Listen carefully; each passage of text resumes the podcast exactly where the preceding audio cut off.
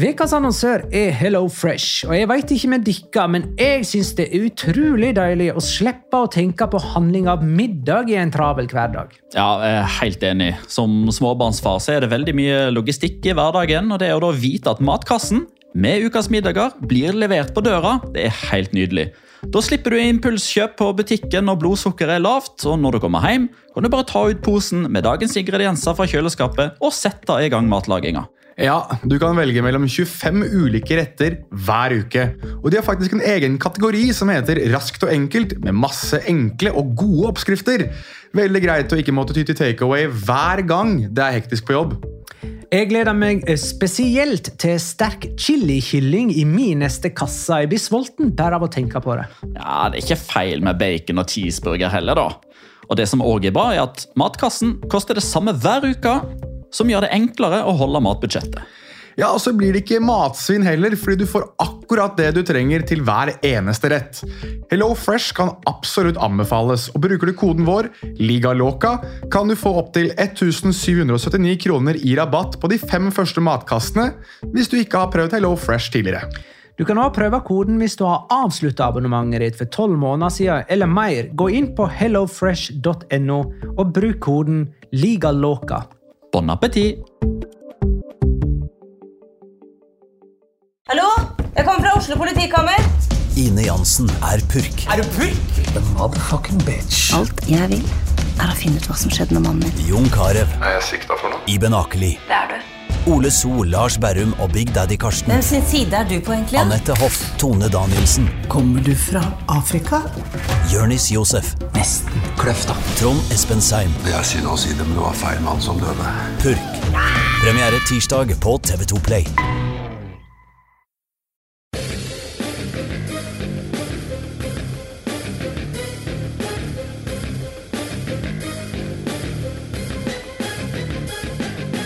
Har du sett? Getafe tåler ikke trynet på Valencia. Sevilla tåler ikke trynet på Valencia. Valencia tåler ikke trynet på noen av dem. Nå er denne ondskapens akse samla i en særs ubehagelig trekant i kamp om plass nummer fire. I en mer harmonisk verden forbereder Barcelona både tittelfeiring og to herlige møter med Liverpool. La liga loca. En litt gærnere fotball. Ja, ja, ja. Dette er La Liga Loca episode 73 med Jonas Giæver, hei. Hallo. Petter Wæland, hei. Hei. Og Magnar Kvalvik, hei. Hei, Magnar. Hei. Det er påske. Det er nærmere bestemt andre påskedag. Da er ikke studioet vårt oppe, men det er min leilighet året rundt. Eh, Så da spiller vi inn en enkel episode i min kåk med to mobiltelefoner som mikrofoner. Så enkelt, folkens, er det å lage podkast. Vi, vi prioriterer studioet vårt, det gjør vi. Men når det er stengt, så, så tar vi både lydopptaket og redigeringen sjøl. Har dere hatt en fin påske? Ja, stille og rolig. Som eh, tidligere nevnt så skulle det pågå mer trening og egentlig avslapping. Det ble vel mer eh, trening enn avslapping eh, for min del, men eh, litt påskegodt og, og sånn ble det vel. Petter? Nei, det var vestlandspåske for min del på, eh, på gamle trakter med familien. Det var hyggelig. Mer avslapping enn trening for min del, i alle fall. Jeg skal komme til hekten igjen i løpet av de neste ukene. Ja, leggen min er vrang igjen, så null trening her. Eh, I dag skal vi snakke om eh, ondskapens akse, som består av Getafe, Sevilla og Valencia i kamp om eh, fjerdeplassen. Vi skal snakke om Barcelonas møte med engelske lag, både United og Liverpool. Um, samt det at uh, ligatittelen deres er rett rundt uh, hjørnet. Kanskje denne veka faktisk. Ganske sannsynlig denne veka her. Med midtvekerunde og det som kommer til helga. Det er veldig sannsynlig egentlig at de blir seriemester med seier mot Levante til helga. Ja. Eh, for de er ikke avhengige av, av poengtap for Atletico i den eh, perioden der. Er det noen andre ting vi må tenke Vi skal ha rundespiller, eh, Locora, sånne enkle ting. Kan vi nevne en ting da, i forbindelse med at Barcelona kan vinne seriegull? Da blir jo Arturo Vidal blir jo historisk. Å, kom igjen. Første som vinner La Liga, Serie A og Bundesliga. Da i hermetegn tangerer han Cristiano Ronaldo, som ble første til å vinne Premier League, La Liga og Serie A. Barcelona, Real Sociedad 2-1. Longley og Jordi Alba skåra for eh, Barcelona. To forsvarere, altså. I mellomtiden skåra Juanmi for eh, Real Sociedad. Vi har allerede vært inne på at Barcelona kan sikre seg tittelen denne veka her. Neste veke møter de Liverpool. Det er hjemme først, sant? Ja. Ja. Jeg har litt lyst til å snakke om det, jeg. ja. Hva lurer du på, Magnar? Det jeg lurer på kan, Det første jeg tenkte på, eh, det var duellen mellom Bekka. Mm. For der eh, har Liverpool Andrew Robertson og Trent Alexander Arnold. Og de er faktisk helt på Jordi Alba-nivå på målpoeng. Jeg tror det er Andrew Robertson som har ni målgivende, og Trent Alexander Arnold som har åtte i Premier League. Jeg lurer på ikke Alexander Arnold fikk én nå i uh, sist kamp. Ja. Så jeg lurer på ikke du står på 9-9. Å ja, jeg var inne og sjekka i dag. Ja, på premierleague.com. Ja, det, er Da kanskje, åtte. det er kanskje oppdatert, da. Ja, jeg veit ikke. Men i alle fall, uh, det er noe annet enn Ashley Young og Luke Shaw. Ja, det Jeg vet ikke om de hadde kommet inn på Getafe en gang. Er Damian Suarez, Damian Suarez bedre enn Ashley Young på høyreback? Ja. Svaret er ja. Det, det Jeg tror eh, Hvis, hvis United-supportere hadde sett Getafe denne sesongen, her så tror jeg de hadde tenkt at uh, Damian Suarez er akkurat det de hadde trengt, faktisk. Eh, Åh, hva var det jeg tenkte på? Det var Nei, søren, nå mista jeg den tanken. Jo, United gikk jo ut på kamp nå med høyt press og lykkes ganske tidlig. Nesten. Det Det var- hadde tverrliggerskudd og greier. Det var jo Champions League-finalen i 2009 all over again. Der United trykka Barcelona bakover i banen. Jeg husker Park hadde et skudd like utenfor mål. Og så etter det så tok Barcelona over. Samuel to skårte, og så skårte jo Lionel Messi på den headingen mellom Vidic og Ferdinand. Så det var jo nesten det samme kampbildet. Så det jeg mener er jo at eh, Liverpool er hakket bedre enn United på det der. Er ikke? Altså, jeg mener, det er mange Barcelona-supportere som er skeptiske. Ja, jeg tror, jeg tror Liverpool er det vanskeligste Barcelona kan møte over to kamper. Både med tanke på form, kvalitet, momentum, spillertyper, spillestil, eh, Klopp sin tankegang. For jeg føler at er det ett lag som har det som trengs for å gjøre Barcelona veldig shaky, så er det nettopp Liverpool. Eh, og da er det jo òg samtidig veldig fascinerende og, eh, og veldig interessant å tenke at jeg tror veldig mange Liverpool-supportere tenker det samme om Barcelona. At Barcelona er kanskje noe av det vanskeligste de kan møte. Og det eh, legger jo forutsetningene som et gyllen påskeegg. Noe av det vanskeligste sånn generelt av alle lag i hele verden, eller de, av de fire som er igjen i Champions League? I verden. Ja. Jeg tror Det er jo viktig å huske på her at uh, sånn, sånn i hermetegn sist gang Barcelona ble igjen i hermetegn drept av et lag, det var jo da under Jupp Heinkes Bayern. Da de rett og slett ble trykket og presset og løpt i senk eh, over to kamper. Jeg husker, var det 7-1 til slutt det ble over to kamper mellom, eh, mellom Bayern og Barcelona den sesongen da Bayern gikk hele veien. Da var det jo Borussia Dortmund under Jørgen Klopp som spilte den finalen mot Bayern. Og det var jo to stiler som var ganske like. Og den stilen har jo Jørgen Klopp tatt med seg til, til Liverpool. Så eh, nå er det en litt annen type trener, en annen slags pragmatiker da, i Ernesto Valverde, som kanskje er mer eh, forutinntatt med at han må endre litt på stilen sin. Men jeg tror det er ganske mange Barcelona-fans som tenker at oi, nå møter vi det samme den gang. Jeg husker at Thomas Müller var fantastisk bra over de to kampene for Bayern. Eh, og kanskje kan Liverpools prestasjoner mot Manchester City forrige sesong sammenlignes Ja. eller brukes som en slags referanse inn mot Definitivt. disse to møtene med Barcelona? All right. Er vi ferdige der, eller? Sk eh, ha, eh, skal vi ta en liten måling? Eh, eh, lag, eh, lagdel for lagdel. Kan ikke vi det? Det kan vi. Eh, Sigbjørn Fatnes Bø har jo f.eks. sendt oss en melding om disse her keeperne. Vi har jo prøvd å liste opp eh, verdens beste keepere i det siste. Han har Terstegen da som nummer én. Oblak som nummer to og Alison som nummer tre. Og vi har egentlig ikke nevnt Alison i disse her eh, rangeringene våre. Vi har vel landa på sånn Oblak, Terstegen og De Gea. Ja. Men Alison han er jo der oppe, han òg. I alle fall topp fem. da. Han er ikke den beste brasilianske keeperen engang, syns jeg. Er det sånn bedre? Ja, det syns jeg.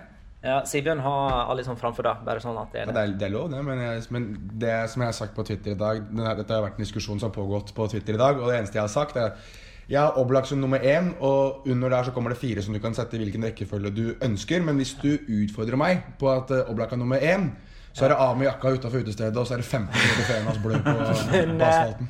Men Ter Stegen Alison. Ja. Det er Ter Stegen. Terstegen. tar stegen. Der har vi Terstegen, Ter stegen Stegen, tror jeg, alle sammen. Men det er ganske tett likevel, da. Ja, det er veldig tett. Og så la oss ta forsvaret, da. Hvis vi sier Robertson har Tre- Trent på hver sin bekk, Ja. og uh, van Dijk og Litt usikker. Longley må det jo bli, da. Eller Piquet. Nei, Men van. Dijk og Og jeg ved siden av. Matip Matip eller eller Lovren. Lovren eller eh, ja, Joe bruker Gomez. neppe, bruker neppe Fabinho der, da. Joe Gomez. Ja, I disse to kampene. Ja, de funger, altså, fungerte fantastisk flott, Gomez og van Dijk sammen på et tidspunkt. Men den forsvarsfireren der opp mot eh, Barcelona, da, og tenk både defensivt og offensivt, egentlig. Ja, da, Men sammenligner vi da med Semedo eller Sergio Roberto? Ja, Hva ville du ha gjort? Nei, jeg hadde jo tatt Sergio Roberto. Jeg jo. Så, ta, Så da ta- tar vi Sergio Roberto. Ja, jeg har ikke noe å si. Jeg, ikke at jeg hadde gått imot det, men eh, åpenbart og Lenglet foran Omtiti, og så Piquet og Alba. Ja. Nei, jeg syns den er veldig vrien. Jeg altså, jeg eh, er jo med på det van Dijk-toget og syns at han er helt fantastisk. Og måten han eh, har sin store del av æren for at Liverpool har gått fra å være porøst og shaky defensivt til å nesten ikke slippe inn mål, det er jo eh, veldig, veldig solid. Samtidig så er jo Piquet mer rutinert. Han har vært i gamet enda lenger. Han har levert på dette nivået over 10-12 år og er kanskje bedre enn noen gang nå. Eh, Så, så kanskje en liten edge van Dijk der, da, men den, den edgen som stopper paret, har den tar Lenglet tilbake igjen eh, på vegne av Barcelona, uavhengig av om det er Lovren, Matip eller Gomez.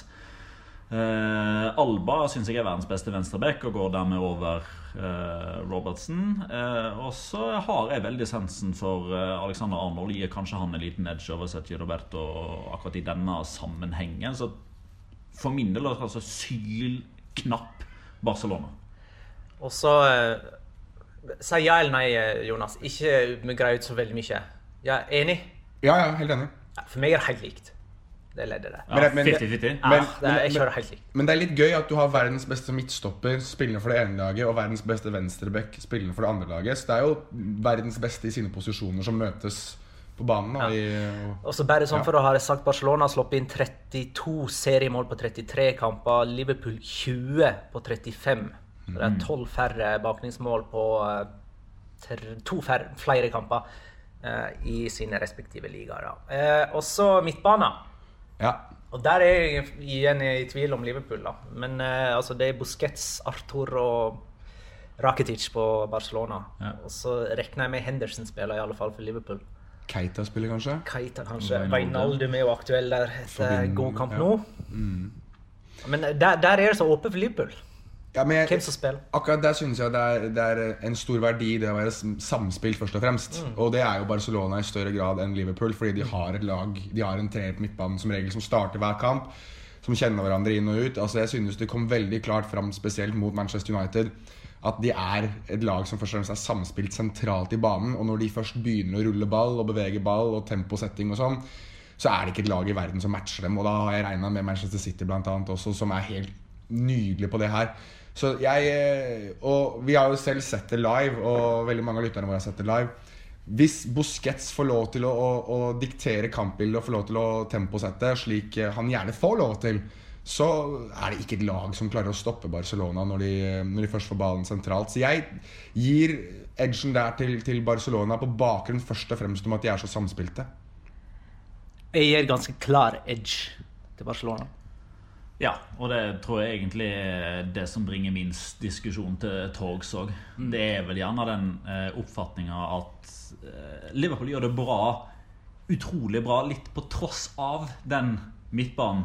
Med tanke på at de ikke har blitt samspilt ennå. Det er noen usikkerhetsmomenter. Hvem er, den, altså, hvem er inne i den beste elveren? Det syns jeg eh, sjelden er et styrketegn. Ja, ikke sant? Ja, det er gøy at du nevner det, for når du, når du sier det nå, så er jo Liverpool litt Barcelona 2015. At eh, forsvaret er ganske bra, angrepet er ganske bra, og midtbanen er ganske neglisjert sånn egentlig. Så, og det var jo Og dette var Xavi Iniesta Busquets. Ja, men det var jo det var for at de spilte alltid gjennom det. Bare Ja, jo, men Det var ballen gikk fra forsvarsleddet opp til Neymar, Messi, Suárez. Ja. Ja, for det, uh, Xavi var med. Nei, det var Rakitic Iniesta Busquets, kanskje? Ja, det var vel også, altså det, dette, dette begynte jo vi å snakke om eh, når Chavi var ferdig. Ja, det var, det Men nå er jo Arthur inne igjen og er bortimot en kloning. Ja. ja, men vi hopper til angrepet. Den er jeg spent på. Med, Hva dere andre mener. For det her, her tenker jeg liksom hvor, hvor stor er skalaen? Hvor mange poeng, hva, hva er makspoeng for Messi? For det avgjør hvem som vinner den uh, duellen. Ok, Det er Mané, Firmino og uh, Salah. Uh, og enten Dembélé eller Coutinho, uh, Suárez og Messi. Og der har jo Messi en helt egen skala. Ja. Så egentlig blir det jo litt sånn Uansett hvem av Dembélé eller Coutinho som spiller, så er det jo Messi som utgjør den store forskjellen her uansett. Ja, men så er det liksom sånn, så tenker jeg eh, Hvis vi skulle rangert, da altså Er det terningkast? Er det 1 til 6? Er det skala 1 til 10? Eh, er det prosent 0 til 100? Altså eh, Har Messi 6, 10 eller 100? Det er for min del litt relevant for å finne ut hva er totalsummen på de tre. Fordi jeg, jeg hadde valgt Firmino foran Suárez, hadde valgt eh, Mané foran Dembélé eller Coutinho. Ja. Sånn akkurat nå. Eh, Og, og Messi langt over Salah og alle andre. Så spørsmålet er liksom hvor, hvor stor er glipa mellom Messi og hans konkurrent? Jeg, for meg er det sånn at eh, eh, vurderingen går i favør Barcelona pga. Messi. Ja, men da sier vi det sånn. Jeg er uenig, faktisk. Ja. Jeg har, uh, men det går igjen til det med å være samspilte og det med å ha relasjoner i langt større grad. Her òg uh, Unnskyld for at jeg avbryter, men her òg går det an å tenke offensivt og defensivt. altså. Ja, ja, men det, det, For der er Liverpool sin angrepstrio søren meg bedre. de er det. Og jeg, jeg synes at uh, å se på Liverpool spille angrepsfotball er tidvis som å se på en kunstform, syns jeg. Altså, det er helt nydelig å se på hvordan de Altså relasjonene seg imellom, hvordan de hopper over ballen, hvordan de konstant vet hvor den andre er. Altså, det er, det er uh, det er kunst, og, men da er jo liksom det Ja, det er mange kunststykker i seg selv, men så har du da Mona Lisa selv spiller for Barcelona. Og eh, det er vanskelig å på en måte finne ut hvordan du skal rangere Messi. For kunne du, Hadde du satt sammen Mané, Firmino og Salah, så vet jeg fortsatt ikke om de hadde vært like gode som det Lionel Messi er på egen hånd. Og det er litt det jeg pleier å si når vi snakker om Lionel Messi. Når vi snakker om kan Barcelona, eller vinner Barcelona det oppgjøret her over to kamper. Da pleier jeg som regel å svare at det spørs om Lionel Messi vil det.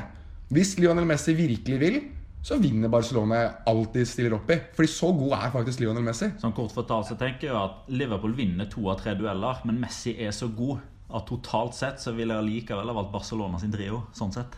Men da har jeg og eh, Petter landa på eh, Barcelona sin trio, og du, Jonas, på Liverpool sin. Er ikke det en grei fordeling, da? Sånn at det ikke bare blir eh, For det ville vært dumt om, om tre av tre gikk én vei på det der. Men en fotnote på det at ingen slår Messi, det er vel greit å ta med. Det er greit. Ja, ja. Men eh, da spiller Barcelona finale, da. Mot Ajax, det hadde vært gøy. Hvis det er Ajax og Barcelona i finalen. Jeg ser Markedet holder Barcelona som, eh, som favoritter. Oddsen ligger på rundt 1,7 på Barcelona. Så mange rundt 2,15-ish på Liverpool, sånn eh, hvis man tar markedet eh, sett over ett. Eh, Jeg syns det er enda litt jevnere, men en ørliten edge i favør Barcelona. Da sier vi det sånn. Og så snakker vi om litt om eh, kampen om topp fire.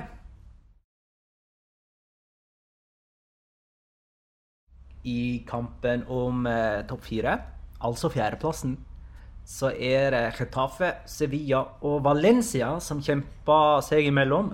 Getafe og Sevilla møttes sågar denne helga her. 3-0 til Getafe. Eh, Mata skåra på straffe. Type heime Mata. Hans første ligamål siden han ble tatt ut på landslaget til Spania. Verdens beste mat, da. Tja Molina skåra to. Den første Nei, eller den eldste som har skåra to mål i en og samme La Liga-kamp dette årtusen. Er det noen som husker eller veit hvem som var eldre i forrige årtusen? Det må være godeste Puskas, vel? Kanskje. Jeg veit ikke. Nei, jeg har ingen Jo, jeg er ganske sikker på at jeg så noe fra Pedrito Numeros og gutta i går. Men jeg var jo på påskeferie og så jo ikke denne kampen og, tenk, og så bare resultatet og tenkte hva pokker i helsike skjedde her? Eh, men så har jeg jo sett høydepunktet og ser jo at det er en klassisk Sevilla-implosjon. Med to henser innenfor egen eh, 16-meter, og det som mer eller mindre er et sjølmål av eh, Simon Kjær. Og det forklarer jo alt. Ja, Det var veldig typisk eh, Sevilla, dette her. Jeg tenker liksom eh, Hvis man skulle ha lagd eh, Altså hvis Retafe kommer seg til Champions League, da, så tenker jeg at det er litt sånn Hollywood-materiale. Den storyen med Bordala som overtar eh, Retafe på nedre halvdel i sekunder, rykker opp eh, åttendeplass i, i første sesong, og så inn i Champions League. Og Skulle man liksom lagd en, eh, en, en film på det, så hadde jo man kunnet tatt den der eh, altså Hvis man tar den der grasiøse, porøse stemma som har disse trailerne med liksom bare 22 players, uh, three points, two teams and one referee. Matteo Laos. Det er den kampen her. Altså Dette er jo en Locora-kamp. Ja, men altså avgjørelsene syns jeg er helt riktig. For Sevilla spiller jo volleyball inn i egen 16-meter, og det er ikke lov. Men bare legg merke til hvor mye Matteo Lahos nyter det øyeblikket der. Fra han har bestemt seg og til han skal gi straffe. Fordi Del Cerro Grande, Hernandez Hernandez, Gilman Sano, Ondiano Mienco Alle de andre spanske toppdommerne som dømmer i Champions League ikke, ikke, og Europaløp. Ikke, bare, ikke bare i Spania, men overalt i ja, ja. Europa generelt. Typ alle andre fotballdommere de hadde tatt dette VAR-tegnet og så hadde de blå straffe, løpt bort, sånn som alle andre gjør. Han går sakte og rolig, sånn demonstrativt sakte. Typ, se på meg nå. Nå er det jeg som er i fokus. Nå skal jeg ta en avgjørelse. Som om han er i ferd med å bli bytta ut på, i det 90. minuttet han leder med ett mål. med tida for å liksom komme med Og det har jeg faktisk lagt merke til. Jeg har gått og sjekka det tilbake igjen. På den straffesituasjonen nummer to så peker han aldri på straffemerket.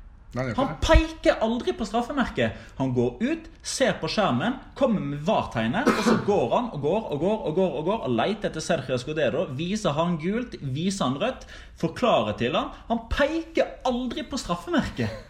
Ja, men han har den der, Jeg la veldig merket til spesielt på første eh, straffe. Så gjør han Han blåser i fløyta, gjør VAR-tegn på vei tilbake til å ha sett på skjermen.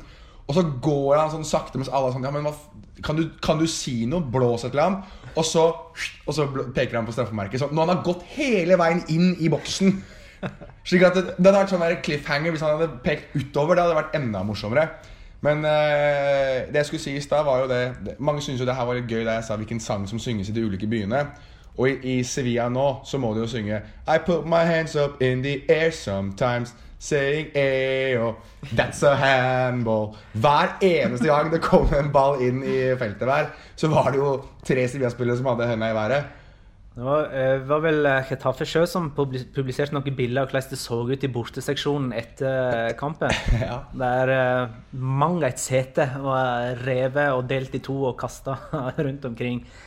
Så Sevilla-fansen var ganske dårlig i humør. Det er jo sånn når at uh, Getafe har den fjerdeplassen med 54 poeng. Mm. Sevilla og Valencia ligger to poeng bak. 52, altså. Otto Lillebø spør jo hva angående vårt tabelltips for årets sesong. Hvor hen plasserte vi Getafe? Uh, ja, og hva har de gjort uh, som gjør at de banker så hardt på Champions League-døra? Vel, vi hadde vel Getafe på 11., hadde ikke vi det? Ja, ja, Ganske midt på tabellen, i hvert fall. Ja, sånn to plasser ned fra den åttende. Vi er ikke så langt unna likevel. Poeng.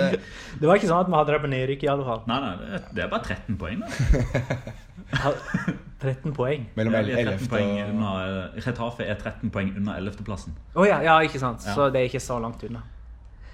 Uh, ja, nei, altså, vi har vel snakka tidligere om hvordan, uh, hva de har gjort uh, for å banke så hardt på døra. Jeg har jo skylda litt på motstanderne deres, da. Eller iallfall de som de andre som burde kjempe om Champions League-plass. F.eks. Sevilla og Valencia og Atletic. Men er du imponert nå? Egentlig ikke. Jo, litt. Det som imponerer meg, er at de alltid reiser seg etter disse nedturene sine. For de hadde egentlig en nedtur forrige runde der de bare klarte uavgjort mot snart nedrykksklare Valladolid. Sikra et poeng eh, seks minutter på overtid. Eh, og at de da slår Sevilla etter at Antones var skada og to bekker eh, var ute med karantene. Eh, det er ganske sterkt. Ja, Nå er jo Gené ute for øvrig mot Real Madrid. da. Ja, og så syns jeg også at det er interessant å se nettopp at den defensive altså klart, nå, nå, får vi liksom aldri helt svaret på hvordan den kampen her hadde blitt 11 mot 11, i og Escodero blir utvist rett før pause der med den andre hens situasjonen. Så det gjør jo at Retafe spiller med én mann mer i 25 minutter før Gené ble utvist.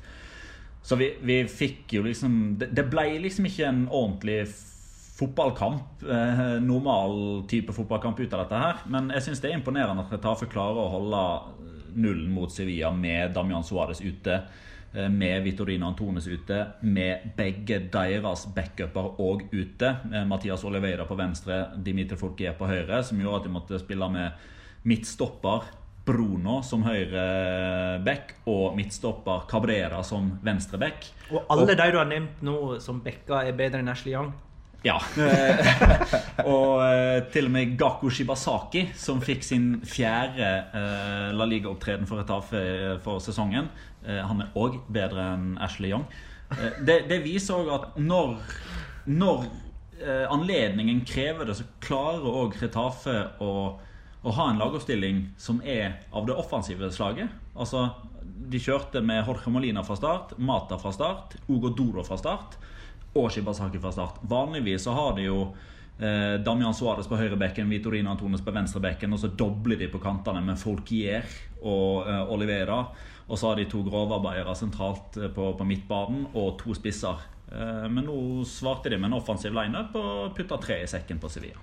Men, men for å svare på det spørsmålet hvordan de har klart det å, å ligge på Champions League-plass, så synes jeg rett og slett svaret er litt at de har simplifisert fotballen litt. grann. De har eh, tenkt at eh, du kan vinne på det å være fysisk. Du kan vinne på det å gjøre fotballen så enkel som overhodet mulig.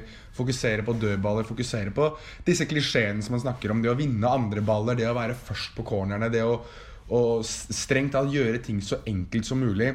Eh, og få det meste ut av enkeltspillere som er veldig veldig begrenset. For det er jo et lag og en tropp vi har snakket om flere ganger.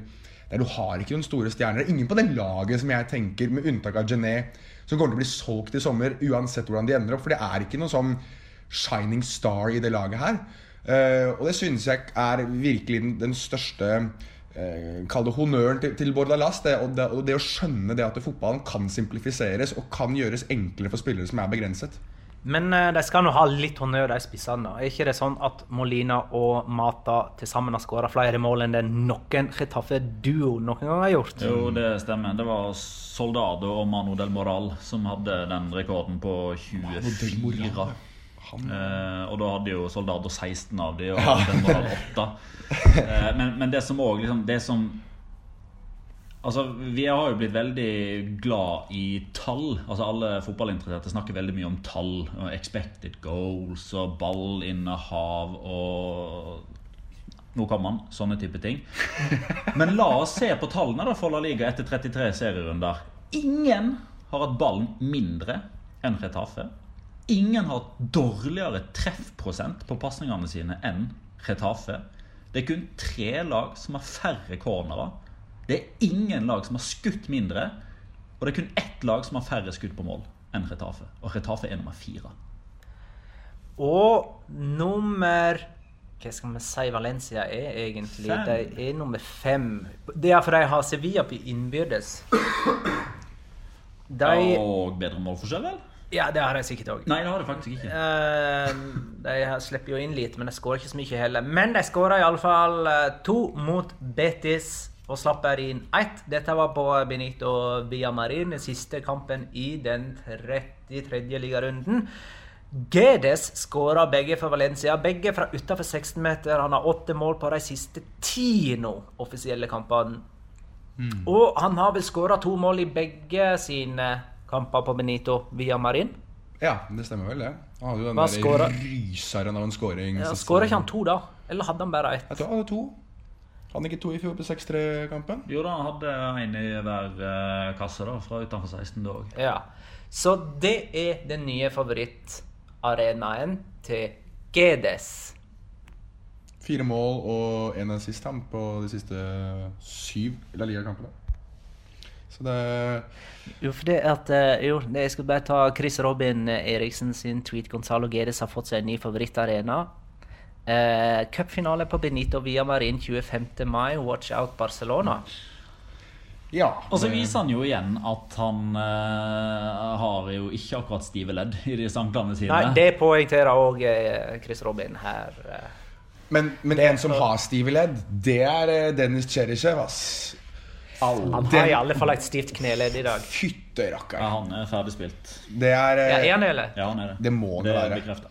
Det er en av de Altså Det var noen som hadde laget et eh, stillbilde av det kneet hans og den, den, den foten hans eh, Da han var planta i gresset der. Gud hjelpe meg hvor stygt det så ut. Hønsekne, som Per Jarle Heggelund kaller det.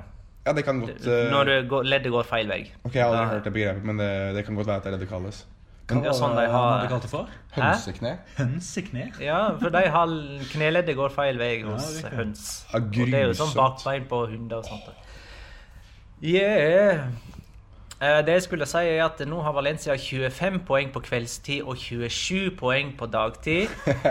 Kveldstiden kan gå forbi dersom de vinner borte mot Atletico på onsdag, men da må de ikke vinne hjemme mot Eibar til helga, for den blir spilt klokka tolv, og da går dagtid forbi kveldstid igjen. Hey, Valencia møter jo Arsenal i Europaligaen. En gyllen sjanse til å hevne seg på Emery, eller? Altså, jeg mener, jeg er litt usikker på hvilken standing Emery har i Valencia. Hevn og hevn, jeg vet ikke helt. Ja, han tok jo litt i Champions League en, en sesong og ga seg vel Én sesong, tre på rad. Ja, Det var tredjeplass hele tiden. Ja, men ble han, men ble han slutt Altså Ga han seg ikke etter å ha tatt det til Champions League òg, da? Eh, Etter tredje sesongen på rad med tredjeplass, Ja. så var det vel ikke kontraktsforlenging, rett og slett. Kontrakten Ja, gikk det er jo ikke hans feil, da. da jeg ser ikke hvorfor han skal bli hevnet. No, nei, Problemet er jo mer at folk gikk lei av det, hans Valencia. For det at de alltid snubla på de samme måtene og på de Ja. samme tidspunkt og aldri tok et steg videre. Og Og dette var jo på et tidspunkt der nummer tre i La Liga endte 20-30 poeng bak nummer to. Ja, det var da det var kjedelig fotball, og han gjorde feil bytter, og de samme tingene som egentlig har forfulgt han gjennom hele karrieren, egentlig. Det, men uh, han er jo en av de mest suksessfulle Hvis du, hvis du regner fra Altså Hvis du glemmer Benitez og den suksessfulle perioden, og tenker heller på de litt magrere årene som har vært nå, så er han vel en av de som er mest suksessfulle i, Valencia. Så jeg vil ikke helt si at det er å hevne seg. Men det- Han det- det rydda jo opp etter Koman. Og, Ja, men det, det var Emery som var trener for Sevilla når de knocka ut Valencia Ja. langt inn i overtida Ja. i 2014, var ikke det? ja, med har sin skåring. Han har jo slått Valencia ut av semifinalen i Europaligaen før. Det har han. Herlig gjensyn der, altså. Ja, nei, det, som sagt, Vi må prøve å lage de fleste narrativene vi kan, men kan ikke mene at det var så Jeg, vil, jeg jeg har aldri hørt at det har vært noe sånn kjempeondt blod mellom eh, Valencia og Emery, men Nei. Nei, mulig- kanskje ikke fra. Emery og tilbake igjen, men det, det er og var, og det er fortsatt mange Valencia-supportere som gjør litt narr av Emery, som godta seg når han røyk ut med, med, med PSG mot Barcelona Ja, det- ja, ok, ja. og diverse. Ok. Eh, var ikke Gedes interessant for Arsenal da Valencia skaffa seg ham på ble- permanent basis? Ble nevnt, ja. Det husker jeg. Uh, Sander Snekkerhaugen spør om Gedes kan ta Valencia helt til Europaligatriumf. Altså, det er topps, da. Selvfølgelig kan han det. Selvfølgelig kan han det. Selvfølgelig kan han det. Kikki Vetti vet ja. Nei, jeg skulle bare si Men da spilles jo finalen i Bakus. da Ja, nei, det er ikke Benito Villamarin. Er da. Eh, Kikki vet ja var mye sunget av Real Betis-fansen på slutten av denne kampen. Det virker som de er, har fått nok. Altså, at Kikki sitter igjen. Er ikke det hver uke? Altså, Hvis de taper, så har de fått nok, og hvis de vinner, så er han gudbenåda igjen. Tenk så kul Det, det, det, var et, det hørtes ut som et kult navn. Kikki vet det ja. Ja, det er jo egentlig det. Høyrebekk på Almeria. Kikki vet det ja. Kanskje greit å oppklare at Kikki vet ja betyr altså Kikki dra din vei. Ja, Kikki setter igjen, altså. Ja. Ja. ja, nei, men eh, skal vi eh, melde Atletic Klubb ut av eh, Champions League-kampen, da? Kan vel for så vidt gjøre det, hvis vi skal være litt eh, Jeg har gjort det. tabloide. Ja, vi må gjøre det. Real Madrid Atletic 3-0 på uh, Santiago Bernabeu. Benzema skåra alle tre for Real Madrid. Han har flere mål enn Luis Suárez nå. Han har det. Var det ikke jeg som sa at han kom til å ende opp med vel- flere mål enn Luis Suárez denne sesongen? Var ikke Det det? var, jo, Ja. men Ja. prøver du å påstå nå at du hadde rett? Jeg har troa på Karim Benzema hele veien. Aldri aldri engang vurdert at det, det, det tipset ikke kom til å gå inn. Ja, for Andreas Svae spør er Benzema faktisk verdens beste nomini. Og så følger han sjøl opp med antall mål i eh, 18-19-sesongen for klubb. Cristiano Ronaldo 26, Benzema 29. Jeg tror Benzema har 30 30, ja. eh, totalt, altså, for alle turneringer. Så det, det er ikke noe mer å si sånn, egentlig, sier han. Jeg hadde jo en oppsummering på det nylig om hvor alle spissene som ligger bak Benzema i, Ja, ja. i eh, den, den kategorien der. Selv om Wissam Benjedel lå foran. Men vi gjør kanskje ikke det lenger nå. Men Men jeg føler altså når, eh, når Benzema dunka inn to stykker på huet i går, da tenker jeg liksom eh, Dette her er liksom bare sjølve bildet på Real Madrid anno 2019. Altså Cristiano Ronaldo er der ikke lenger, men nå har de Karim Benzema, som skårer de målene som Cristiano Ronaldo pleide å skåre. Men forskjellen på Cristiano Ronaldo og Karim Benzema er fortsatt likevel så stor at med Cristiano Ronaldo så vinner du Champions League, og med Karim Benzema så ryker du til åttendel, så blir nummer tre i La Liga. Eh, Jo, og- men ja, avstanden opp til Barcelona i La Liga er omtrent den samme som forrige sesong. Ja, Så- men de ryker ut av Champions League. Ja, det er den store forskjellen. Den store Resten forskjellen. er den samme. Men Men li likheten er at, de, at både Karim Benzema og Cristiano Ronaldo ryker ut mot samme lag i Champions League. da mot Ajax. Men han har jo eh, klart noe nå, godeste Karim Benzema, som Cristiano Ronaldo ikke klarte. Som Raúl ikke klarte, som Puskas, Di Stefano, eh, Santiana, Grento Altså Ingen har klart det tidligere. Botragene klarte det ikke, Miche klarte det ikke. Ronaldo klarte det ikke, Van Nistelrooy klarte det ikke. Ingen har klart det, nemlig å skåre åtte strake mål for Real Madrid i La Liga-sammenheng. Han har skåra de åtte siste for Real Madrid. Og skårer han det første eventuelle Real Madrid-målet mot Retafe på torsdag, da tangerer han La Liga-rekorden, som tre spillere har fra tidligere. Det er Meho Codro fra Real Sociedad. Som er faren til Som er faren til Kenan Kodro, som spiller for Atletic for øyeblikket. Det er Lionel Messi for Barcelona og Kini for Sporting Gijón. Eh, nå kommer jeg sikkert til å uttale dette navnet feil, men Parsa Gampena skriver Som Real Madrid-supporter håper jeg alltid at det skal være rykte om en ny spiss til klubben. Og det er akkurat da Benzema storspiller og setter publikum i tvil om de trenger en ny spiss eller ikke. Og så blir det ikke en ny spiss, og så blir Benzema seg sjøl igjen etterpå. Ja, er det det? Så er det sånn den setningen fortsetter? Eh, Ja, man, man har jo en viss følelse av det, men eh, Nei, men altså Spiss Real Madrid Det er jo ett navn som går igjen mer enn andre nå for tida, og det er Sasa Jovic. Eh, Og jeg skal Luka. Er det sånn. Luka Jovic Sasa Jovic, han har vært i Var det Levante han var innom? Jeg tror det stemmer. Luka Jovic ikke, ikke like god. Luka Jovic litt bedre. Litt bedre.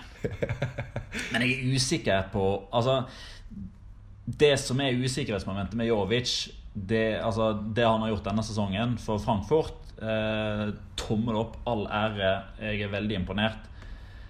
Men man har sett veldig mange sånne tilfeller tidligere med spisser som er inne i en vanvittig flytsone den ene sesongen. Er det nok til at det skal bli Real Madrids nye nummer ni, liksom? Jeg sitter med en sånn Claes Jan Huntelag-følelse. Av en eller annen merkelig grunn. Og Jovic? Ja, altså, for hvis man husker da Claes Jan Huntelag kommer fra Ajax etter å ha bøtta inn mål eh, i mm, to sesonger eller noe for Ajax. Og så hentet Real Madrid ham, og så var han bånn i bøtta. Han hadde vel noe sånn tre skåringer på 19 ligakamper eller noe sånt for, eh, for Real Madrid og fikk det ikke til å stemme overhodet. Eh, men jeg, jeg altså, Luka Jovic har jo vært en spiller som har vært snakket om i ganske mange år, egentlig. Som en sånn ungdomstalent som man tenkte at kom til å bli ordentlig ordentlig god. Så stemte det ikke helt for han i Benfica. Så hadde han nå da denne sesongen her i, i, um, i Eintracht Frankfurt, der han har vært helt eh, outstanding. Men har, da har han prestert på et lag som skal slå nedenfra og opp. Og jeg lurer på om han klarer å gjøre det fra et lag som på sett og vis skal slå litt ovenfra og ned. Eh, Det er- kommer til å være større forventninger. Det kommer til å være vanskeligere for ham å, å prestere på det nivået. Jeg synes, eh, uten sammenligning for øvrig, at eh, en type som, som Krzysztof Pjontek i, i Milan hadde vært en som hadde passet bedre, for han virker som han klarer å, å, å akklimatisere seg settingene uansett hvor han drar, om det er Genoa eller om det er AC Milan. Nå kommer sikkert det til å være praktisk talt umulig å få ham til, til Real Madrid, men bak, han skal jo være bak Benzema, da. Og er det riktig eh, utviklingsarena for ham? Jeg, nei, jeg, jeg synes det er veldig mange spørsmålstegn. Jeg, jeg liker Jovic veldig, veldig veldig godt, jeg også. Men eh, ja, nei, Real Madrid, det, det virker eh, Virker litt sånn sausete, egentlig. Sånn å gå dit for hans del nå. Ti mål har Benzema skåra med hodet i alle turneringer denne sesongen. Det er flest av alle i topp fem-serien. Og det er første gang siden august at Bale og Benzema kombinerer for skåring. Benzema, nei, Bale hadde målgiverne til Benzema. Der røk min Locora. Oi! Nei! Jo, det var, jeg, har, jeg har tre Ja, eller fire Ja, backuper, så Jeg har ingen han backup, bare rada meg på alle her nå. Skal vi ta litt eh, nedrykksstrid, moro? Eh, OK. eh, Villarreal ser ut til å, å eh, ja, komme seg ut av den striden. De slo Leganes 2-1 hjemme. Bakka og Toko Ekambi skåra. Villarreal er plutselig helt oppe på 14.-plass og kan jo bli en av sesongens store positive overraskelser om det holder fram eh, sånn. da. Kan det bli øvre halvdel? Kan det bli? Det er jo ei luke opp til 13. Og en pasninga fra Samuel Chukwese fra da han var ute på høyre og spilte igjennom. Hva var det han spilte igjennom? Han spilte igjennom Ekambi, vel? Fy. Det var bra pasning. Mm. da- da tenker jeg sånn Wow, det, det er sånn, det er sånn Lionel Messi-ish pasning fra Greit, nå, nå, har vi nå har jeg gjort, gjort meg selv til den største Chukwese-fanen de siste par ukene. Da, ved å gjøre han til runden spiller og, og se mye Altså Jeg ser jo Villarreal egentlig, for jeg syns de er morsomme å se på sånn egentlig. Men jeg, ser- jeg syns det er enda mer gøy nå pga. ham. For jeg tror at han kommer til å bli eh, helt, helt der oppe blant de beste i i ligaen, uansett hvor han spiller hen. Men, men nå er det sånne øyeblikk som det som gjør at det, Nei, han, Hvis ikke du har han på lista di over spillere du kan glede deg til i årene fremover, så er det på tide å legge merke til ham nå. Litt moro at Chukwese, Bakka og Toko Ekambi alle starta. Ja, artig det. Men la oss eh, Jo, men det er jo ikke første gang, det. Eh, men, men la oss for all del ikke gå i felle og tro at vi hadde alle trygge nå, altså. Nå skal vi se her. De er altså nummer 14. Altså, de de er fire de- poeng over. De taper borte Eh, mot Real. Sociedad denne midtuka. her, Da er de nede i sausa igjen. Og så tror man igjen at de er trygge etter at de slår Uesca. Men så taper de mot Real Madrid, og så taper de mot eh, Eibar. Og så skal de møte Retafe i siste serierunde. Prøver en omvendt jigs. Men nevnte ikke. Apropos sånn kampprogram, men nevnte ikke det i stad og i kampen om fjerdeplassen. Men Chetaffe har et helt vanvittig kampprogram igjen. Men har de det? Ja, Men har de det, jeg vil hevde det, altså. Nei, nå er det Sevilla-supporteren i deg som snakker. Ja, Kunne jeg ta et poeng fra Real Madrid-kampen? Jeg glemte helt å si det i stad, som jeg synes var litt viktig å ta med. Jesus Vallejo spilte jo igjen. Og, ja, det var første fra fantastisk. og han så jo fantastisk ut. På vei ut, han. Vi hadde jo han, ja, vi hadde han på eh, laget vårt. Gå inn på Twitter og sjekke at La Liga Loca Pod for å se uh, hva det blir årets lag som ikke er på lag lenger. Ja, ja, det er godt oppsummert. det. Men jeg synes Iallfall etter sommeren. Men jeg syns det var litt gøy at uh, to vi har, altså Denne uka her og de siste par ukene så har det vært så mye prat om det å satse på ungdomsspillere og gjøre litt sånn som Ajax har gjort, med å fostre fram egne talenter og få til eh, Champions League-semifinale. Og to av de midtstopperne som jeg synes var best denne runden, her var Diego Llorente for eh, Sociedad og Vallejo for Real Madrid. Og de begge to altså Llorente har vel gått gradene der, men, men Vallejo ble jo hentet inn som en ungdomsstjerne som skulle bli fostret fram i Real Madrid. Og det Kanskje de har hatt svaret på midtstopperspørsmålet sitt i ganske lang tid, men ser ut til å glippe begge to. Så det, det er litt Kan, kan eh, Real Madrid-supporterne sitte og digre, ha et par digresjoner rundt i sommer når de henter store navn som ikke leverer? I likhet med Villarreal så er Celta Vigo vei oppover. De slo Girona 2-1. Iago Aspas har skåra tre Unnskyld, han har seks mål og tre målgivende på de siste fire kampene etter at han kom tilbake fra skade. Eh, og så I påsken sikra han seg en ny kontrakt, også med, eller forlenga kontrakten med Celta Vigo til 2023. Det er litt sånn Det var litt sånn der eh, Paven er katolsk eh, Bjørn men kan det ha en Solskjær-effekt? Nå som han Hvis man vet at han får lov Ja, til å fortsette, så legger han ikke Han har i spilt, han har spilt for ny kontrakt, han. nå. Nå er det tap de neste fire kampene. Skåra ikke resten av sesongen han nå. Nei, nå er det over. Eh, Gironas frie fall holder fram for øvrig, med fem strake tap nå. Nå vinner ikke de borte heller. Det er det møter neste runde? Det er eh, Ja, Valladolid, vel? Ja, er ikke det Oi, ja. Enorm nedrykksbatalje der, altså. Spennende. Jeg tror, eh, men jeg synes, eh, jeg synes jo vi, kan ikke la Selta Celta gå helt uten å snakke om eh, mannen som nå skal settes på sokkel ved siden av. Eh, Jago Aspas, selvfølgelig Sofian Bofall. Eh, Trodde du skulle si Fran Escriba. Nei. Som har fått den mest før. Den mest takknemlige jobben med å redde et lag fra nedrykk noen gang. Akkurat idet Aspas var tilbake fra skade. Ja, men det er jo når han har stjerner som Sofian Bofall, Ja. som uh, skårer sånne mål som han gjør, så selvfølgelig Det gjør jo, det gjør jo livet litt enklere. Det gjør jo det. Han fikk jo en eh, billig assist på den Aspas. Det var jo han som slo pasningen Ja, til Bofall. ja, ja, ja. Men Bofall gjorde jo resten. skåret. Nei, ikke det. ikke det. Men jeg, jeg skal jo til Madrid nå eh, til, eh, til uka, så jeg er jo i Madrid på søndag og har egentlig lagt opp løpet der nå. Eh, og den søndagskvelden så Jeg har jo i utgangspunktet tenkt meg til Vallecas for å se Rayo Vallecano mot Real Madrid. Miniderby. Rayo Vallecano kan kanskje rykke ned med tap i den kampen, og Real Madrid er Real Madrid. Men det er et eller annet som vil ha meg til Leganes Celta Vigo i stedet. Rett og slett bare for å få se Iago Aspas og Sofian Bofall i levende livet. Altså, nå, nå lyver du. For det som egentlig vil ha til, til uh, Botarque, er jo Bocadiosene. Ja, det er òg en Ja. det, det blir Leganes Celta Vigo. uh,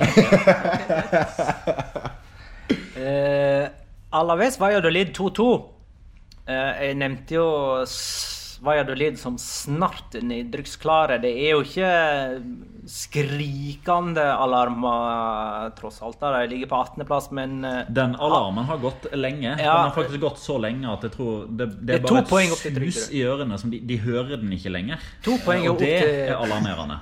to poeng opp til trygg grunn. Og det, det store alarmerende problemet er at de fucker opp for seg sjøl hele tiden. Og det Joel klarte å prestere denne gangen, var jo toppen av bunnen i s- Det, fjellet. det, det var helt riktig. Men har det noen gang blitt skåra et mer John Guidettisk mål?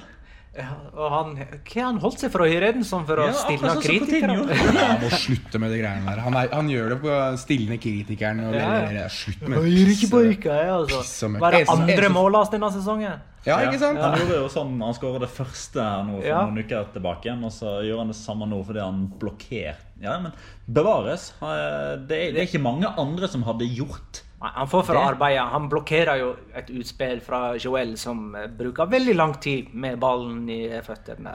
Skal jeg, skal jeg brenne av enda en locora, for jeg finner ikke akkurat klippet når det skjer. Men eh, har, har du noen hørt begrepet 'to do a homer'? Altså fra Homer Simpson i, i The Simpsons. Det er jo det når du egentlig gjør noe som eh, ser veldig uheldig ut, at du har veldig mye uflaks, men så ender det godt. Og Fernando Calero må jo ha gjort tidenes eh, homer. Hvor han eh, skal klarere ballen som da er på vei inn mot mål, og snubler i egne bein og kommer borti ballen, og ballen smeller i, eh, i stolpen. Selvfølgelig, nå kommer vel sikkert Jeg har den på skjermen her nå. Der, ja! Der sklir han. Han sklir på streken. 91-16. 91-16 sklir på streken, skal klarere, og så får ballen sleivtreff, smeller i stolpen og går ut. Eh, det er to do a homer, altså. Det er ekstremt flaks. Men eh, ja, Han gjør absolutt ingenting for å fortjene den flaksen. nei, han gjør jo ikke det. Og det er, det er litt det som er to do a homer, da. Eh, for de som husker denne episoden, gammel 90-tallsepisode av The Simpsons. Eh, Det betyr uansett at Valladolid bare har én seier på de siste tolv. Um, og de møter altså Girona hjemme tirsdag kveld. Det har vi nevnt for øvrig i forbindelse med Alaves. Det virker, det virker som Abelardo ikke skal forlenge med dem. Ja, lokalavisa eh, skriver det. At eh, Abelardo har eh, tenkt, vurdert ganske nøye det kontraktsforslaget han har fått. Alt det økonomiske er på stell. Det har ikke noe med det å gjøre. Det handler rett og slett om om hva slags arbeid han tror det er mulig å utrette der. Han kom jo, kom jo inn i desember 2017. Da lå Alaves dønn sist med seks poeng etter 13 kamper. 11 tap på de 13 kampene. Og de endte da på 14.-plass med 16-17 poengs klaring til nedrykk. Og ble jo omtalt som både det ene og det andre. Og ble jo likevel dømt nord og ned av de aller fleste. Oss inkludert. Vi hadde vel de under streken, tror jeg. Ja, Det. Eh, og var jo lenge med i Champions League-kampen. Er fortsatt med i Europa League-kampen. De er nummer åtte av poeng med Atletic, som er nummer sju. Og sjuendeplassen kommer jo til å gi spill i Europa League neste sesong, i og med at både Barcelona og Valencia blir topp seks. Og de møtes ikke i cupfinalen. Eh, Men han tenker vel nå at det er vanskelig å skvise noe særlig mer saft ut av den sitrona. Eh, I tillegg så skal han visstnok ha blitt ganske indignert over at eh, styret og sportsdirektør valgte å selge både Ruben Sobrino og Ibai Gomez i januar uten å hente ordentlige erstatninger. Og det virker ikke som at han får noe særlig til bekreftelse eller positivt svar på hans ønske om å om å kunne bygge videre på det han har gjort til nå. da, så virker det som at han egentlig begynner å takke for seg og posisjonere seg inn mot andre trenerjobber som kan bli ledige til sommeren. Hvem tror du han kan være aktuell for deg? Betis, Ja, nei, jeg, sitter og ser på tabellen. som du- Sevilla Det er den jobben jeg tenkte at det kunne gi mest mening. At der har du en eh, en kar som uh, Igjen, da, ikke, ikke på lik linje og kanskje ikke like kynisk, men han er jo en som forenkler fotballen litt og klarer å fremheve enkeltspillere i et system. Og, og hvis det er én ting jeg synes Sevilla har mye av, så er det gode enkeltspillere. Og jeg tror at de kunne ha nytt godt av å ha en type som ham, som også er veldig klar i meldingene. Men det der såkalla forenkling av stil, det kan godt hende passe et lag som Alaves, men kanskje ikke like mye et lag som, eller en klubb som Sevilla. Altså med helt forskjellige utgangspunkt. Nei, altså Det kan jo fort være at det du som er får av forventninger. Og, Ja, Det kan godt være at du får et Asier Garitano-scenario igjen, som skulle gjøre det samme da han dro fra Leganes til Real Sociedad, og det gikk bare ikke veien. Eh, Levante Spanjol 2-2. Det er ni seriekamper på rad uten seier for Levante, som i likhet med Girona ramla tungt på eh, tabellen. De er med i eh, nedrykksstriden som for alvor. Bare to poeng over nedrykksstreken. Eh, årets mest meningsløse uavgjort eh, fant sted på Vallecas, der Rayo og Uesca, de to nederste på tabellen, spilte 0-0. Ryktene, ja. Få det vekk nå. Eh, det fins 0-0-kamper med Paco Hemes som trener. Det er eh, faktisk det. Disse to er nå seks og åtte poeng fra trygg grunn, med 15 poeng igjen å spille om. Jeg tror jeg fant det fra Oppda at gjennom La Liga-historien har 59 lag hatt maks 28 poeng etter 33 runder. Disse to har maks 28 poeng. Bare fem av de spilte i øverste divisjon året etter. Fem av 59, altså. var vel Mallorca som var et eksempel på sånn great escape. For en Ja, er de en av de fem, kanskje, ja? jeg lurer Ja, på det kan Jeg lurer på De om hadde de da kanskje er det siste laget som har meldt seg på. Ja, Jeg lurer på, Kan det ha vært 07-08? Eventuelt 08-09. Første til Guardiola. Eh, Da drev Barcelona og tapte mot eh, sånne nedrykkskandidater helt på slutten fordi at de hadde vunnet serien fire runder før slutt eller noe. Ja, ja, ja. Runden for øvrig Eibar Atletico 0-1. De, de du må gi Thomas LeMar litt grann, eh, Ja, jeg skal si det. Lemar skåra for første gang i La Liga på et halvt år. Kanskje ikke så mye skryt, men litt skryt kan han få meg i så fall, synes jeg. Men eh, der hadde vel, var, det, var det Diego Din som hadde en fantastisk klarering eh, foran eget mål i den kampen der. Var ikke det, var ikke det han? Jeg mener, husker at det var han som hadde en vanvittig klarering. Bommer jeg helt nå, kanskje? Ja, uansett. Han har, det, han har vel kanskje det egentlig nesten alle kamper han spiller. Jo, sikkert. Eh, kan vi ta en liten oppdatering på kampen om Sarra? Altså hvilke spanjoler som ligger best an til å bli toppskårer blant spanjoler? Det er vel Jago Aspas som ligger på topp? er det Han det? 16 nå, ikke sant? Må jo være han som ligger, eh, ligger på topp. Jeg Tipper at uh, Raúl, Raúl Tomàs er, eh, er neste på lista. Kanskje Jaime Mata er der oppe et eller annet sted? De, Ja. de tre må jo være de tre som ser Jeg ser bare én statistikk, men 16, eh, 14, 14 vi får på høre på Petters statistikk. for, Ja, altså Aspas har 16. Raúl de Tomàs har 14. Jaime Mata har 14. Borja Iglesias og Jorge Molina har 13. Miquel Oyarzabal, Roger Marti, Pablo Sarabia har 12. Iñaki Williams har 13. 11? Han har 10. 10, ja. de var- Sergenric, ja. Har han skåra mål? Men eh, hvor mange på rad har Iago Aspas? Asara? Ikke det han som har hatt de siste Eh, To-tre. ja, Han vant eh, ganske greit forrige sesong, i hvert fall. Og han er jo i pole position nå. Skal vi se Han, har, han vinner To for tredje gang, i så fall. Ja. Adoris hadde de to sesongene før det. Men han har to på rad, så han kan vinne den tredje på rad. Ja. Sett en, jeg setter en femmer på det.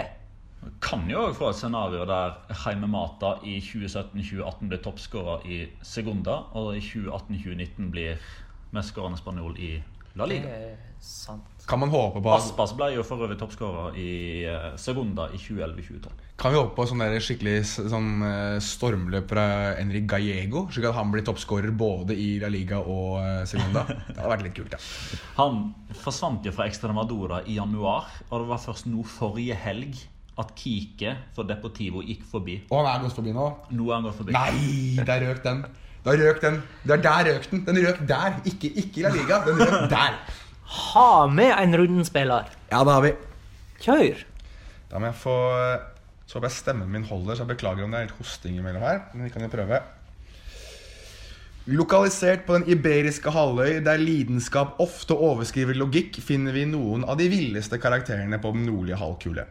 Felles for alle er at de bedriver sine dager i saloonen de alle kaller La Liga. Der inne finner vi drukkenbolter fra Vallecas, gamblerne fra Getafe og spilloppmakerne fra Sevilla. De eneste du ikke finner her, det er ærlige Ernesto, løytnant Lionel og resten av katalanerne som for lengst har tatt turen øst, der de har hørt at de har fått ferten av gull. Denne søndagen er dog ikke helt som alle andre i La Liga. For i baren, der sitter Crazy Kike og hans bandoleros litt for bredt, de er litt for høylytte, og glassene knuser litt for ofte. De har nemlig hørt at deres evige nemesis, nei, ikke Sevilla, men de hvite fra Valencia, nettopp har ridd inn i byen. De som stjal fra dem billetten til gulltoget der katalanere hadde ventet til duell ved høylys dag. Med ett blir det stille i saloonen. For inn har nemlig en mann hvis navn får selv den stolteste madridista til å skjelve i buksene. Med hatten på snei, strå i munnen og hendene plantet ned langs hylsterne på buksekanten. Stømlene gir gjenklang i hele lokalet. Salooneier Tebas vet allerede at det bare er å gjemme seg bak disken, for nå er det i ferd med å gå hett for seg. Den unge revolvermannen drar fram pistolen og fyrer løs, mens to, tre, fire Betis-bandoleros ligger strødd i lokalet. Det neste skuddet sender resten av dem i knestående. Crazy Kike kan knapt tro det han har sett, for nå har musikken stoppet, og Valencias mest fryktede cowboy har på ny ødelagt hans planer. Med et smil om munnen og en rykende revolver i hånden snur han seg, tråkker ut av saloonen og saler opp hesten. Revolvermannen Gonzalo Gedes rir videre inn i den spanske solnedgang. Kult. Det er eh, da Send, send det forslaget til Tebas om å lage en sånn La Liga-promo for neste sesong. Med Tebas i saloonbaren og Gedes i cowboyboots. Og... Jeg fant, eh, jeg fant uh, inspirasjon her fra en gammel Pepsi-reklame for de som husker den. Da David Beckham går inn i saloonen hvor uh, alle Real Madrid-spillerne sitter der. Og han ender med å sparke en ball i bakhodet på Roberto Carlos, som blir fly forbanna. Så, men eh, Gonzalo Gedes det synes jeg er eh, veldig veldig fortjent. Vi har jo snakket litt eh, Vi har snakket mye om han de siste par eh, Ikke par episodene, men vi har mange episoder med Gonzalo Gedes som hovedperson. kan vi si Og det er ikke så mye egentlig å utbrodere om ham, men eh, eh, jeg synes at eh, når han er på sitt beste, så er, med unntak da av Lionel Messi, som er på en helt annen skala, så synes ikke jeg i hvert fall at det er noen attraksjon som er større på egen hånd enn Gonzalo Geders. Og det, Kanskje jeg ser det litt med, med Valencia-briller, men um, han er enestående tidvis. Og, og, det er så gøy når han fyrer løs med den der høyreslegga si. Altså, det er som å ha en, ha en revolvermann, en gunslinger, i, uh, i La Liga. Jeg synes Det spesielle med han er at han egentlig aldri dominerer kamper, men eh, altså han utpreger ikke seg eller uthever ikke seg spillemessig, men gjør seg avgjørende med sine målpoeng. Ja, han gjør det. Så uh, gratulerer og lykke til, uh, Gonzalo Gedes. Gonzalo Gedes, lykke til. uh, det er ikke noen forbannelse over han når det ikke er jeg som uh, kårer han. Sånn er det. Nå er det Locura! Ukens La Liga Locura. Locura. Locura. Locura. La Liga Locura. Jeg har egentlig ikke noe sånn saftig locora, så jeg kan godt begynne. Dere har sikkert saftige locoras. Ja, to av mine har blitt uh, tatt allerede, så jeg har en tredje igjen. Jeg bare, jeg la oss uh, rundeoppsummeringen til Phil Ball, for han og Ed uh, Eduardo Gonzales, er det det han heter? Alvarez er det. De har sånn ligafiber.com der de oppsummerer runden. og Eh, Phil Ball fokuserer mye på eh, statistikk, han òg.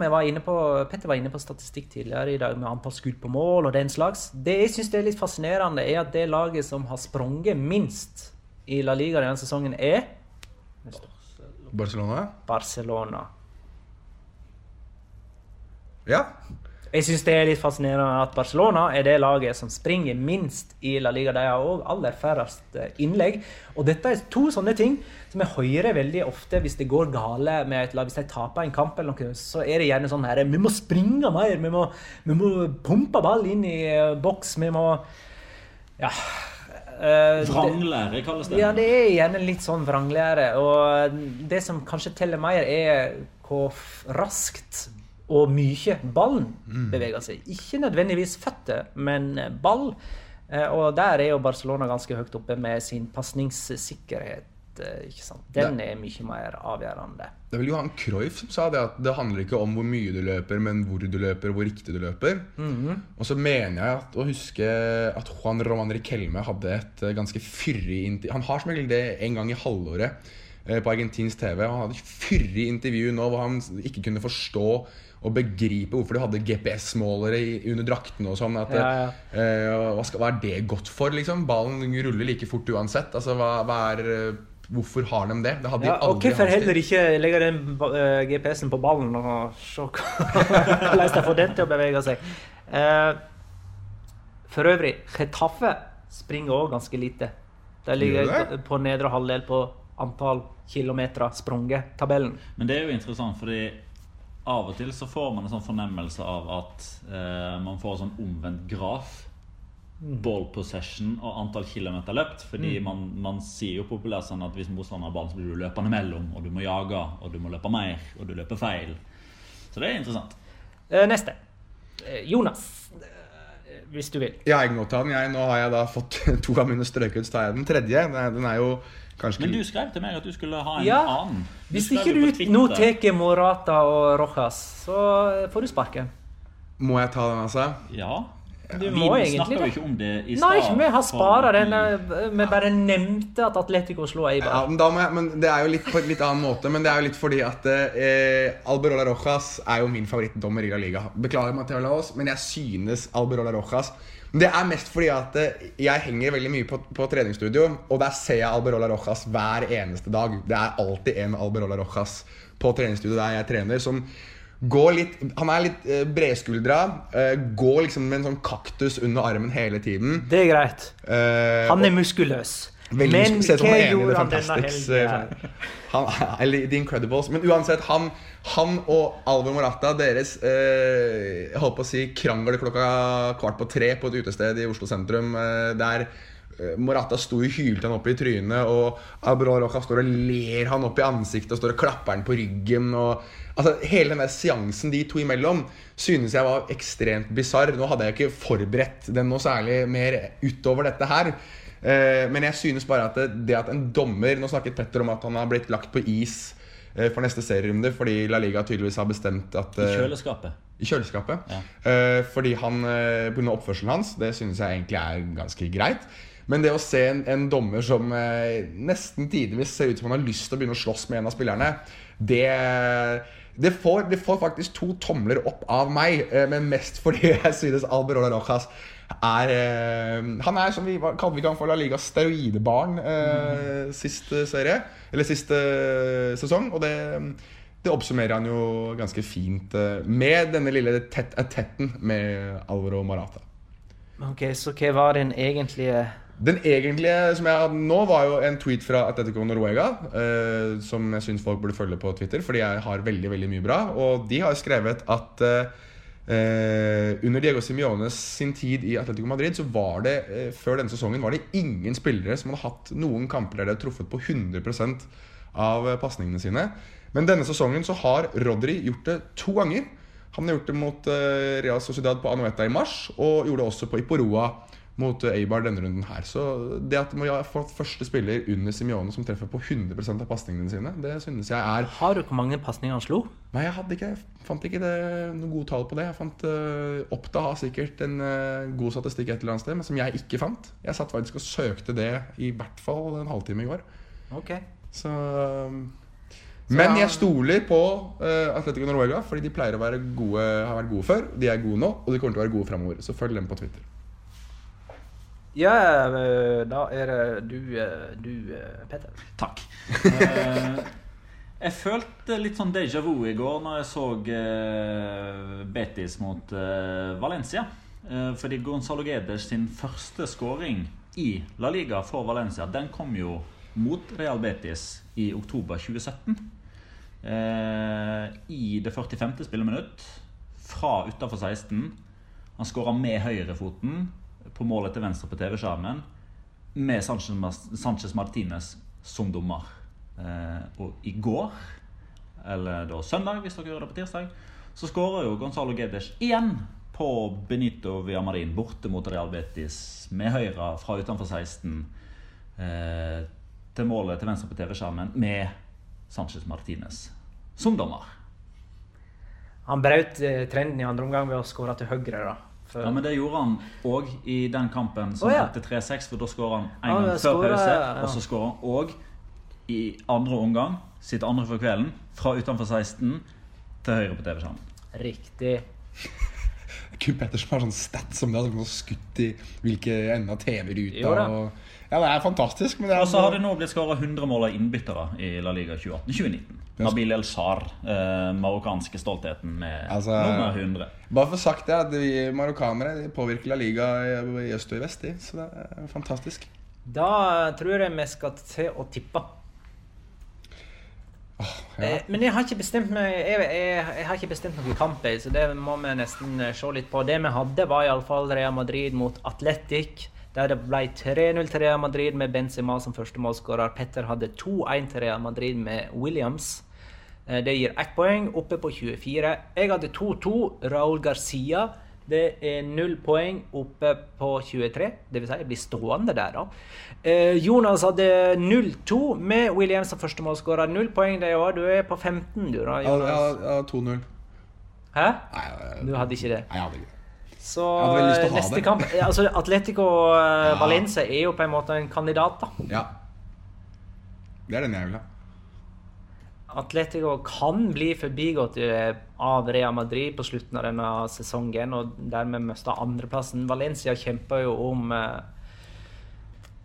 fjerde. Champions League. Eh, så eh, lander vi der, eller? Jeg synes det. Ja, jeg syns jo den, den eh, den kampen denne runden som Altså Hvis jeg kunne valgt én kamp å se denne runden, så hadde jeg sett Valladolid Girona. Men det er nå meg, da. Ja, det blir ikke eh, den. Hashtag fotballhipster. Jeg vil uh... Petter, du leder. Du begynner. 1-0 Grismann.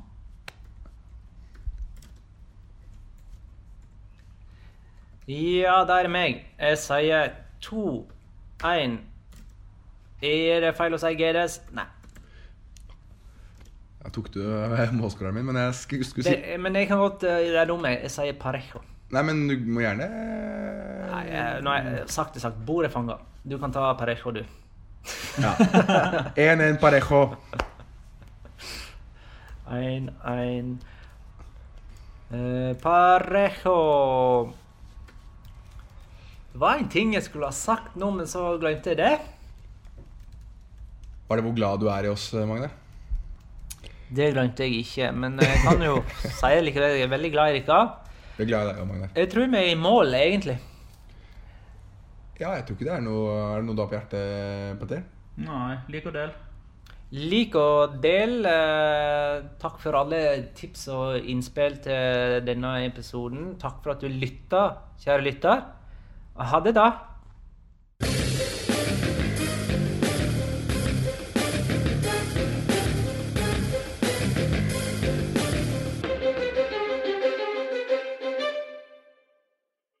Har du et enkeltpersonforetak eller en liten bedrift? Da er du sikkert lei av å høre meg snakke om hvor enkelt det er med kvitteringer og bilag i fiken, så vi eh, gir oss her, vi. Fordi vi liker enkelt. Fiken superenkelt regnskap.